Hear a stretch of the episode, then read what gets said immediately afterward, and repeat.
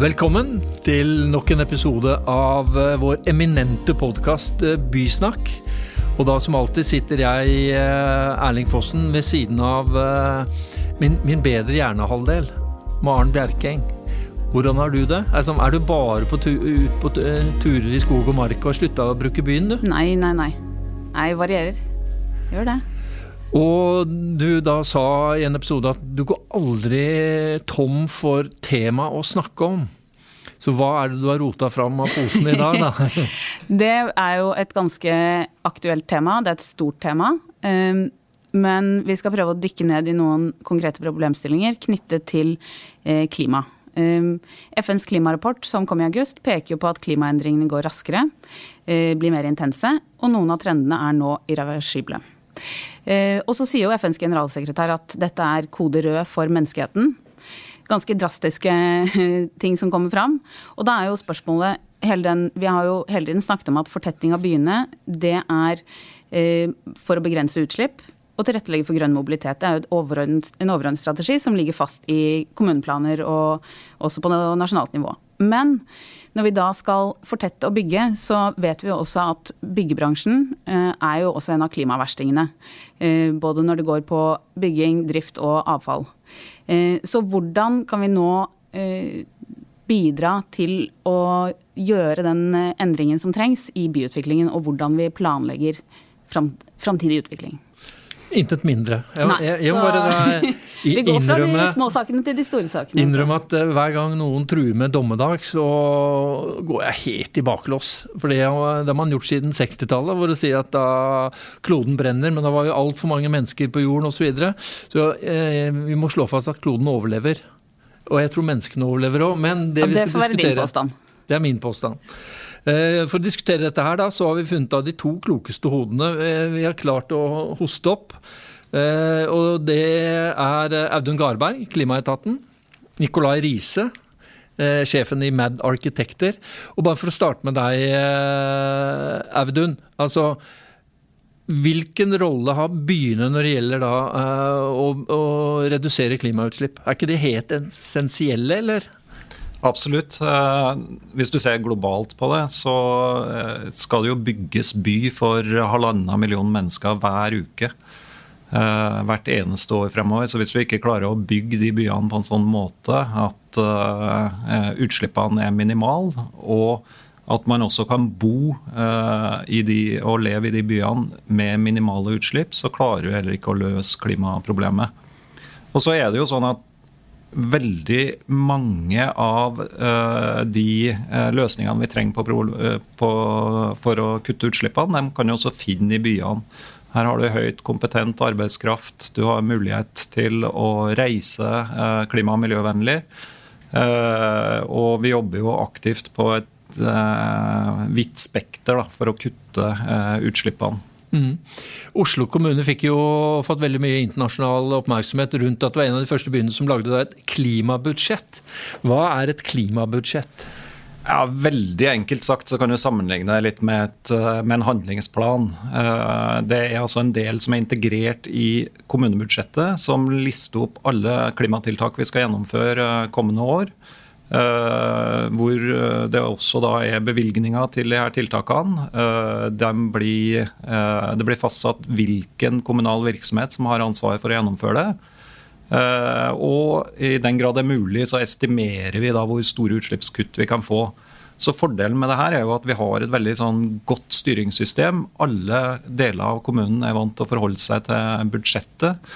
Eh, de vet hva det eh, handler om. Eh, og de er vant til å rapportere på det tre ganger i året, og de er vant til å fremme nye forslag for å få inn finansiering eh, til nye tiltak som eh, trengs å gjøres. Og hvor er utslippsverstingene i Oslo? Altså, hvor er det vi skal sette inn støtet? Ja, altså Hvis du tar de tre største utslippskildene eller sektorene, så er jo det veitrafikken, det er avfallsforbrenninga og det er bygg- og anleggsvirksomheten som skjer innafor kommunegrensa. Det var veldig fint oppspill til eh, vår neste gjest, Nicolai Riise. Eh, I MIPIM eh, i Cannes for noen år tilbake så sto du fram og sa at du skulle redde verden. Og så tenker jeg da, hva er det Mad Arkitekter har gjort da for å da posisjonere seg i forhold da til å redusere utslippene i bygg- og anleggsbransjen? Jeg syns vi har gjort masse. Uh, vi har uh, designet flere forbildeprosjekter som viser hvordan vi hvordan vi kan redusere klimagassutslippene ved egentlig bare å tenke litt enkelt og praktisk. Jeg syns kanskje liksom et av de vakreste byggene er jo denne, dette Kristian Guds gate 13, hvor vi har klart å bygge et nybygg i bakgården. Åtte etasjer med ombrukte materialer. Og det ser bra ut. Eh, men det er sånn at eh, vi har svaret på de fleste problemene her. Det er bare det at det er så utrolig mange som prøver å stoppe oss og gjøre det vanskelig for oss.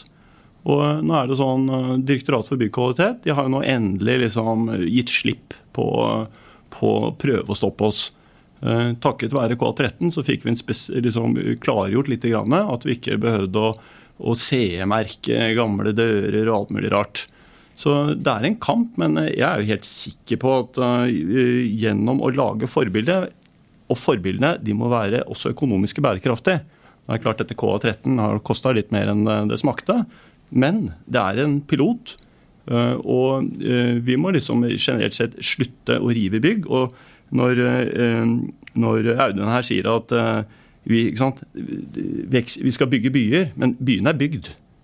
Det er, så, det, er ikke så, forferdelig mye nytt vi bygger, men de byggene vi har, de liksom river ut innredning. Vi, vi, vi liksom behandler eh, altså Det er en ressursbruk som, som, som ikke er bra, da. Og, mm. og, det må vi gjøre noe med. Men, men, men ja, jeg bare tar Christian Augusts gate. Eh, det er jo Entra som har fått eh, all æren for det, fått masse priser. Eh, og jeg hørte henne snakke om eh, Og det hun da sa for å få da nok materialer, så hadde de et eller annet sted mellom 24 og 25 donorbygg. Det ble, de regna med at det kom til å bli 20 dyrere, men den ble kanskje nærmere 30 dyrere. Og da, da, er det jo sånn at for å redde verden, så er vi er ikke kommet lenger enn at vi er på pilotstadiet. Fordi det er ikke økonomisk bærekraft. Det er bare type sånne idealistiske prosjekter foreløpig. Nei, det er ikke det. fordi sånn som Rebell, da. Eh, det er jo altså Universitetsgata 2, som nå akkurat har åpnet. Eh, når jeg eh, ble invitert til å se på det eh, bygget for første gang, så var det snakk om å rive og bygge nytt. Vi så ganske hurtig at dette må vi bevare. Dette er svære, flotte betongkonstruksjoner. Det var lave etasjehøyder. Funker egentlig ikke som i utgangspunktet, fordi alle mener at vi må ha slik og slik rom, og det er for dårlig lys her og der. Men så går vi inn i bygget og så begynner vi å designe og grave. Grave fram gullet. Og så funker det. Og så sparer vi jo klimaet for uh, sikkert uh, hundrevis av tonn med CO2 fordi vi lot det bygget stå. Og Sånn er det gang på gang på gang. Så vi er i full gang. Så dette er liksom i ferd med å bli oppskalert. Og så er det jo sånn at de piloten gir oss, uh, gir oss kunnskap som vi kan bruke videre. Noe er bare helt meningsløst å holde på med, f.eks. flytte gamle betongdekker. Det koster for mye, men det er andre ting. Kontor, gjenbruk kontorfronter f.eks det er lønnsomt. Men da er det litt sånn at uh, vi må alle sammen liksom gå litt inn i oss selv og si er det nødvendig å rive ut all denne fine innredningen her, eller holder det med et uh, lag med maling? Og kan vi gjøre, liksom, bruke designet på en litt morsom måte? Så er, vi, er i, vi, er i, gang. Dessuten så vant vi jo konkurransen med å bygge Europas høyeste trehus Eh, i, i, Berlin, i Kreuzberg. Litt egenreklame. Nei, men altså. Ja. Men, men et, en, et, innspill der, da. Vi, vi, vi, er i ferd med å bli internasjonale nå. Dette tar vi med oss. Nå skal jeg dra i gang en utstilling i Berlin. Kjempebra.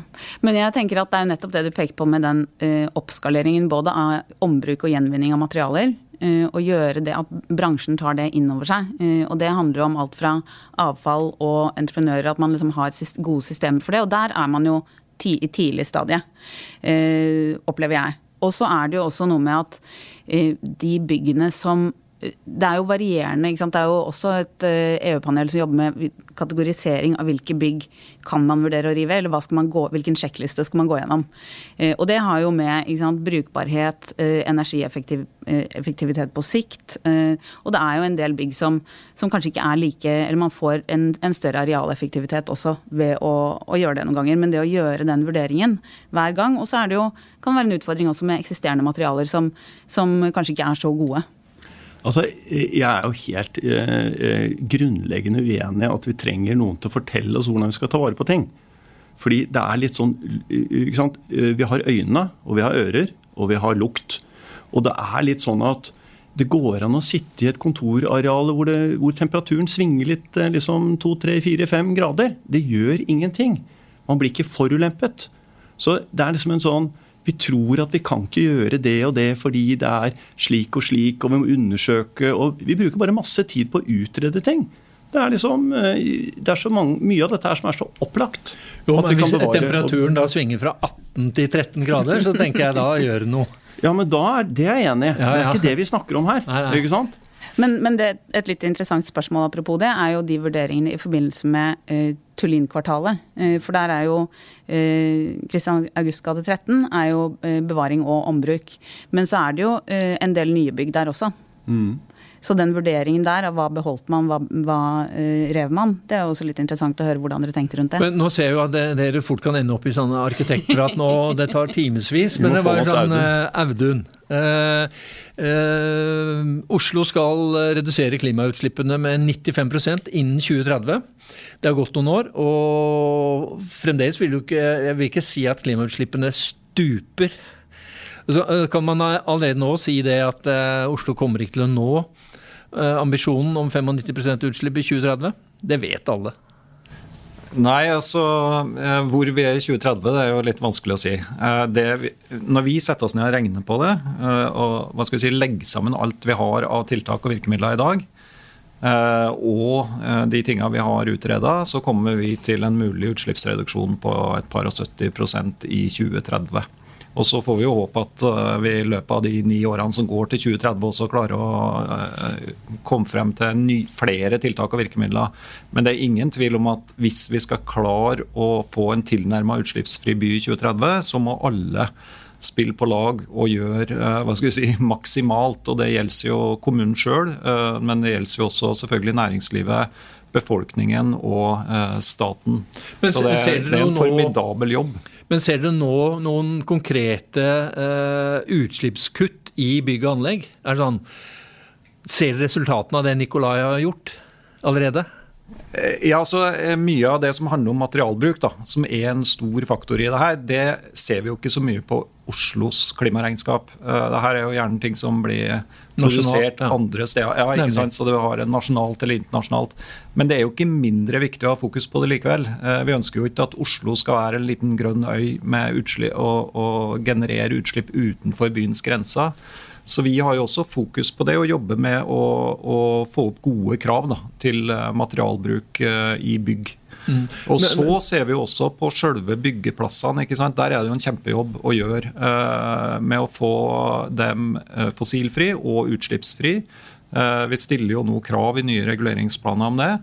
Uh, og uh, En annen ting som også er viktig å se på, er om man kan redusere utslippene fra uh, transport av masser til og fra byggeplasser.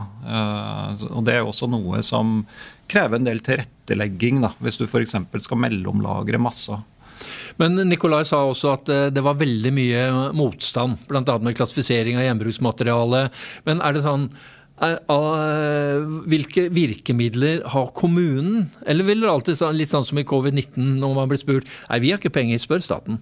Altså, er det litt Ja, ja, det, går, men, ja, det er, det er sånn spørsmål, men jeg kjente meg jo litt igjen når Nikolai sa det. fordi at det er jo noe vi, vi treffer på nesten alle områder uh, når vi jobber med klima. Veldig veldig mye av det vi gjør, er nybrottsarbeid. og Det betyr at lover og regler ikke sant? Det er ikke justert tilstrekkelig. Eh, vi hadde jo et eksempel nå sant, på disse borettslagene som må betale elavgift på strøm de produserer sjøl på eget solcelleanlegg. Nå har det heldigvis etter mange år da kommet et forslag om å endre det på, ut på høring. Eh, så det er en del av den omstillinga vi må gjennom, er jo nettopp å få endra en masse eh, lover og, og regler. Eh, og men er det staten? Kommunen, altså, det nei, eneste ja, kommunen kan gjøre, er å være en pådriver for å endre staten? Jo, men kommunen har, litt, har en del forskjellige virkemidler. Eh, en av de tingene er jo selvfølgelig å eh, gjennomføre eh, hva skal vi si, offensive prosjekter sjøl og teste ut. ikke sant? Vi har hatt fossilfrie og utslippsfrie bygg- og anleggsplasser da, som et eksempel. Bygde Olav Femtes gate. Det var en utslippsfri anleggsplass. Men så er det jo også sånn at vi sant, kan jo da til dels stille krav gjennom plan- og bygningsloven. Men vi jobber jo også aktivt opp imot staten for å få de, si, det handlingsrommet vi trenger. da. Og vi tror jo ikke det er fornuftig at man har f.eks. en teknisk forskrift som skal justeres av hver kommune. Eh, så, så, det handler jo delvis om at man må endre noe eh, nasjonalt regelverk. Og så handler det jo delvis om at uh, byene må få lov til å teste nye klimaløsninger. Nettopp fordi at det kan danne modell for nasjonale løsninger på sikt. da. Men det, ja. det, er veldig interessant det der med å måle. fordi jeg tenker sånn at uh, vi i det private næringslivet vi trenger drahjelp. Eh, og den drahjelpen finner vi at eh, får vi jo ved at det stilles krav. Men det, det, må være de rette kravene. Og så hører jeg ok, det er eh, klimabudsjett. Og så snakker vi litt så snakker vi nå om regnskap, klimaregnskap. Men jeg tenker sånn akkurat sånn som Oslo kommune har et budsjett hvor de har utgifter, inntekter. Så burde man også hatt et klimaregnskap som sa at ok, så mye klimagass får vi lov til å slippe ut i 2022. Hvor mye er det egentlig som forurenser her? Oi, det der må vi stoppe, for det har vi ikke i budsjettet vårt. Ellers må vi kjøpe på en måte eh, et eller annet sted eh, lov til å dra ut litt mer klimagassutslipp, eller slippe ut mer. da. Og Da tenker jeg sånn, da blir det en sånn tilbake til markedet. Nei, du kan ikke må faktisk vente med å bygge det nybygget der. Eh, fordi det går dessverre ikke fordi det forurenser. Så det går an å, jeg tenker man må stramme litt til her. Nå sa jeg akkurat at man ikke skulle ha noen regler, men akkurat der tenker jeg det kan være fint å ha noen men er, men er det mulig? Altså, man måler da til enhver tid klimautslipp, og så når du når en grense, sier bare beklager, du må utsette bygginga av det bygget til neste år. Altså, vi har, vi har, jo et klimagassregnskap eh, i dag som vi får fra Miljødirektoratet. Eh, som er liksom fordelt ned på alle landets kommuner. Men det er veldig stor grad av usikkerhet i de tallene. Eh, det er en god del av de klimatiltakene som vi gjør i Oslo som ikke fanges opp av, den, eh, eh, det, i det regnskapet. Nettopp fordi at man legger nasjonal statistikk til grunn. Så du kan si at Da fordeler du bare klimaeffekten på ting som gjøres i Oslo over hele landet. Ja. Så det, gjør, det, er litt utfordrende også eh, å få veldig uh, gode tall på lokalt nivå, men vi jobber tett med Miljødirektoratet om å forbedre det, det regnskapet. Uh, og så tror jeg jo at den måten vi har organisert det på i Oslo, med å ha et klimabudsjett som er liksom veldig tydelig på hva vi skal gjøre, og hvem som har ansvar for det, og hvem som skal rapportere på gjennomføringa, Eh, det fungerer ganske bra, altså. Mm. Men bare Maren få inn, eh, du er jo kommuneplan-nerd. Men nå er det en revisjon av kommuneplanen. Mm. Eh, du sitter i ressursgruppe kommuneplan mm. i OMA. Og der er jo da en ting man prøver å se på, hvordan gjenbruk skal avspeile seg i den nye kommuneplanen. Mm. Uh, er det mulig, eller blir det bare sånn at eh, PBE tenker at dette blir altfor komplisert? Eller hvordan skal de prøve da også å få gjenbrukskriterier inn i kommuneplanen? Mm. Mm. Nei, Det er jo noe av det vi, vi, jobber med. og det er å se på, Jeg var litt inne på det i stad, men hvilke uh, hvilke temaer skal man vurdere å gå gjennom i et, uh, hvert prosjekt, hvis man da sier at her foreslår vi å rive fordi sånn og sånn og sånn. Vi kommer til å gjøre det og det for å ombruke det som er mulig å ombruke. Uh, og at man, man må jo gjøre det det er jo hele tiden dilemmaet med kommuneplanen. Det skal være generelt nok, men det skal også være eh, litt mer førende enn bare si at du kan ikke rive, eller du kan, må beholde halvparten, eller det blir for skjematisk. Så det er jo noe vi diskuterer mye i den gruppen, og ser på hvordan vi kan spille inn det til eh, plan og bygg i den eh, revisjonen. Og ha et verktøy som gir de nyanserte diskusjonene. Ja, for, men foreløpig, ut fra denne samtalen, så virker det som det er veldig mye sånn gode ønsker. Så, Det er fint å redde verden, og, men altså skal, du må jo ned i puddingen, i materien. Og så får vi høre det er laget pilotprosjekter. Eh, det er veldig mye statlig motstand fordi det er eh, nybrottsarbeid. Du må endre reglementer, forskrifter. Altså, det virker jo som om det er veldig stort gap mellom de voldsomme ambisjonene og de reelle endringene foreløpig? Altså, jeg, jeg syns jo, ikke det. Jeg, jeg tenker jo sånn eh, Det vi gjør, er jo praktisk gjennomføring av dette. Vi gjør det hver dag, vi. Og Det som er, jeg merker, er jo at det er veldig mange som fokuserer på det nå. Altså Veldig mange utviklere og gårdeiere som, som, tenker ombruk og gjenbruk. Noen i litt sånn mindre skala, men det blir mer og mer. Rådgiverne tenker mer på det, i hvert fall arkitekter og designere. Det er litt sånn tyngre blant ingeniørfagene, merker jeg. Eh, når vi har jo flytta ned til Pilestredet nå, der sa jeg dette ventilasjonsanlegget ser bra ut, det beholder vi. Og han ventilasjonskonsulenten sa nei, det må vi rive.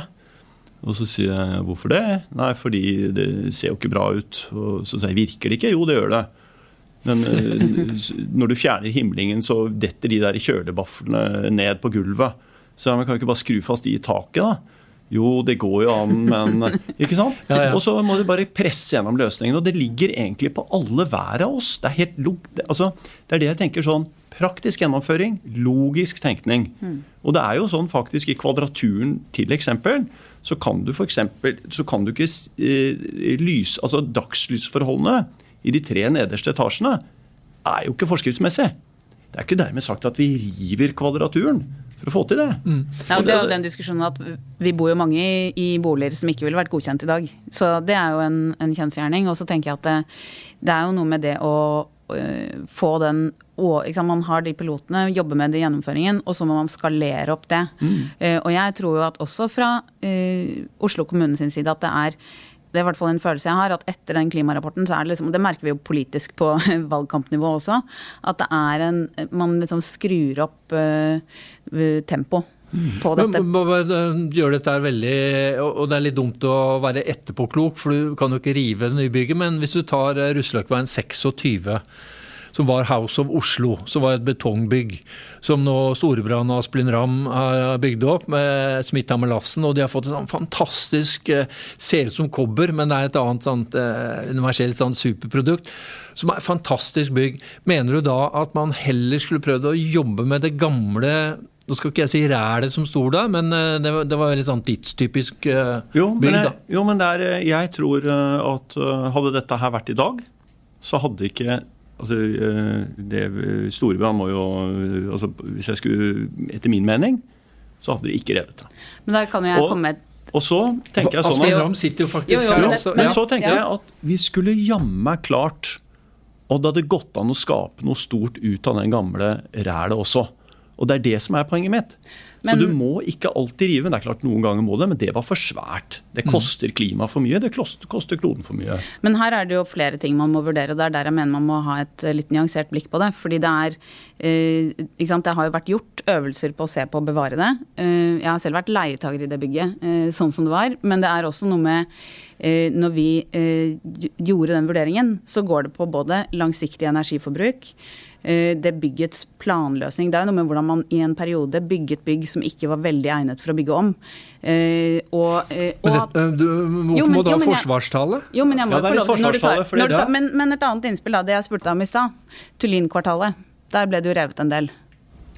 Eh, ikke så veldig mye. Altså, tenker du på juridisk? Og nå går du til angrep. Ja. ja. men jeg bare spør. Det er nysgjerrig på jo, betraktningene. Men det kan jeg si deg, at mm. uh, når vi uh, rev uh, for å få plass til juridisk, mm. så hadde ikke vi det samme fokuset på å beholde bygg. juridisk har vi holdt på med i i ganske mange år, og det var viktig for byen Oslo for å ikke miste universitetet. Det er jo en mm. del av liksom, den nasjonale aksen å ha universitetets tilstedeværelse. Vi er jo liksom leverandører av demokratier her, så det var ekstremt viktig. Men hadde det vært i dag, så hadde jeg tenkt annerledes. Og poenget med eh, denne Via-saken, det er jo det at den gangen dere satte i gang det, så var det jo fokus på avfallssortering. Man ropte hurra, vi har klart liksom 98% avfallssortering. Men det er fortsatt avfall. Men min påstand er at hadde det vært i dag, nå, begynt med det nå, så hadde ikke du, da hadde du kommet til meg. Og så hadde jeg løst det for deg. ja, ja, vi får se. vi må gå inn uh, mot uh, avrunding, men jeg tenkte og så Audun, siden du da altså vi, En ting er vi er arkitekter eller urbanister eller utviklere, men vi er også privatpersoner. Altså, og det lurer jeg på, for det er veldig mange som går rundt og Ja, hva er energimerket ditt eh, hjemme i kåken din? Og det er en sånn tomannsbolig fra 1942, og så må jeg sånn alvorlig svare jeg har ikke peiling. Men er det sånn Hva er det vi gjør, hver enkelt av oss? Er det liksom uh, kutte ut bilen? Åpenbart. Eh, solpanel. eh, eller solcellepanel. hva er det vi som privatpersoner kan gjøre da for å hjelpe Oslo kommune å nå målet om 95 klimautslipp? Ja, du, reduksjon. Ja, ikke sant. Du, du, har jo vært inne på det, mye av det viktige der. Eh, det handler jo om avfall, det handler om, eh, om eh, mobilitet, men, eller hvordan du reiser, da. Men, men, det handler jo også om hva du eh, etterspør, ikke sant. I den grad du eh, handler ting, eh, så kan du også påvirke. Og, og mye av det handler jo egentlig om å bruke sunn fornuft, altså. Er det alt? Bare kjære innbyggere i Oslo. Gjør så godt du kan, det går til helvete likevel. ja. Nei, det må altså, jo hjelpe vi, folk Og... ja, ja, ja, altså Vi er jo veldig opptatt av å tilrettelegge for at folk kan ta gode eh, klimavennlige valg. Eh, og det er jo smått og stort. Eh, og bare for å ta litt reklame, så har vi en nettside som heter klimaoslo.no, der vi prøver liksom å vise frem da, hva som kan være klimavennlige valg. Så, så, uten at jeg skal prøve å liksom liste opp alt som stort og smått, er, så tenker jeg at folk kan gå inn dit og eh, Jeg kan hjelpe Audun litt her. fordi Jeg tror du skal eh, være litt eh, altså, Slutte å kaste for mye. Prøv også, Når du skal kjøpe noe, så kjøp ting med kvalitet. Ikke kjøp det billigste, dårligste som er avfall før du tar i det. Og parker bilen. Eh, velg en arbeidsgiver som har eh, en, eh, en ordentlig miljøprofil, og som er, er, ærlig tenker på det. For det er forbrukerne her som styrer hvordan dette Altså alle vi. Det er vi som bestemmer. Det har jeg skjønt for lengst. Mm. Ja, men det handler jo om uh, den Dette blir siste ja, ord, Maren. Ja, jeg vet. Går inn for landing. Og ikke noe forsvarstale? Nei, nei, nei, nei, ferdig med det. Uh, det handler jo om en holdningsendring, ikke sant. Hele bransjen. For det er jo alt fra uh, vi som bruker og bor i byen, hva vi spør etter, som du er inne på. Og så er det jo uh, eiendomsbransjen, utvikling, uh, hvordan vi jobber med infrastruktur. Hele den verdikjeden der. Så jeg tror jo at det å Og som jeg har sagt før, uh, jeg kutter ut bilen. og det er jo ikke noe problem hvis man bare bruker byen på den måten, og så kjører du Teslaen din videre. Det er innafor. jeg kommer aldri til å gi fra meg Teslaen. Det er en livsstil. Men uh, tusen takk for at dere kom. Og så, så, skal vi nå gå og se på klimautslippene. Og etter at denne episoden er sendt, så regner jeg med at de klimautslippene bare faller dramatisk. Og alle ringer Nikolai. Og alle ringer Nikolai. ja, jeg sitter klar. Tusen takk for at eh, du kom, Audun Garberg, Nicolai Riise. Eh, tusen takk for at du hørte på, og vi er snart tilbake med kanskje det er ikke mulig å lage bedre og bedre episode, men nesten like bra episode neste gang. takk for i dag.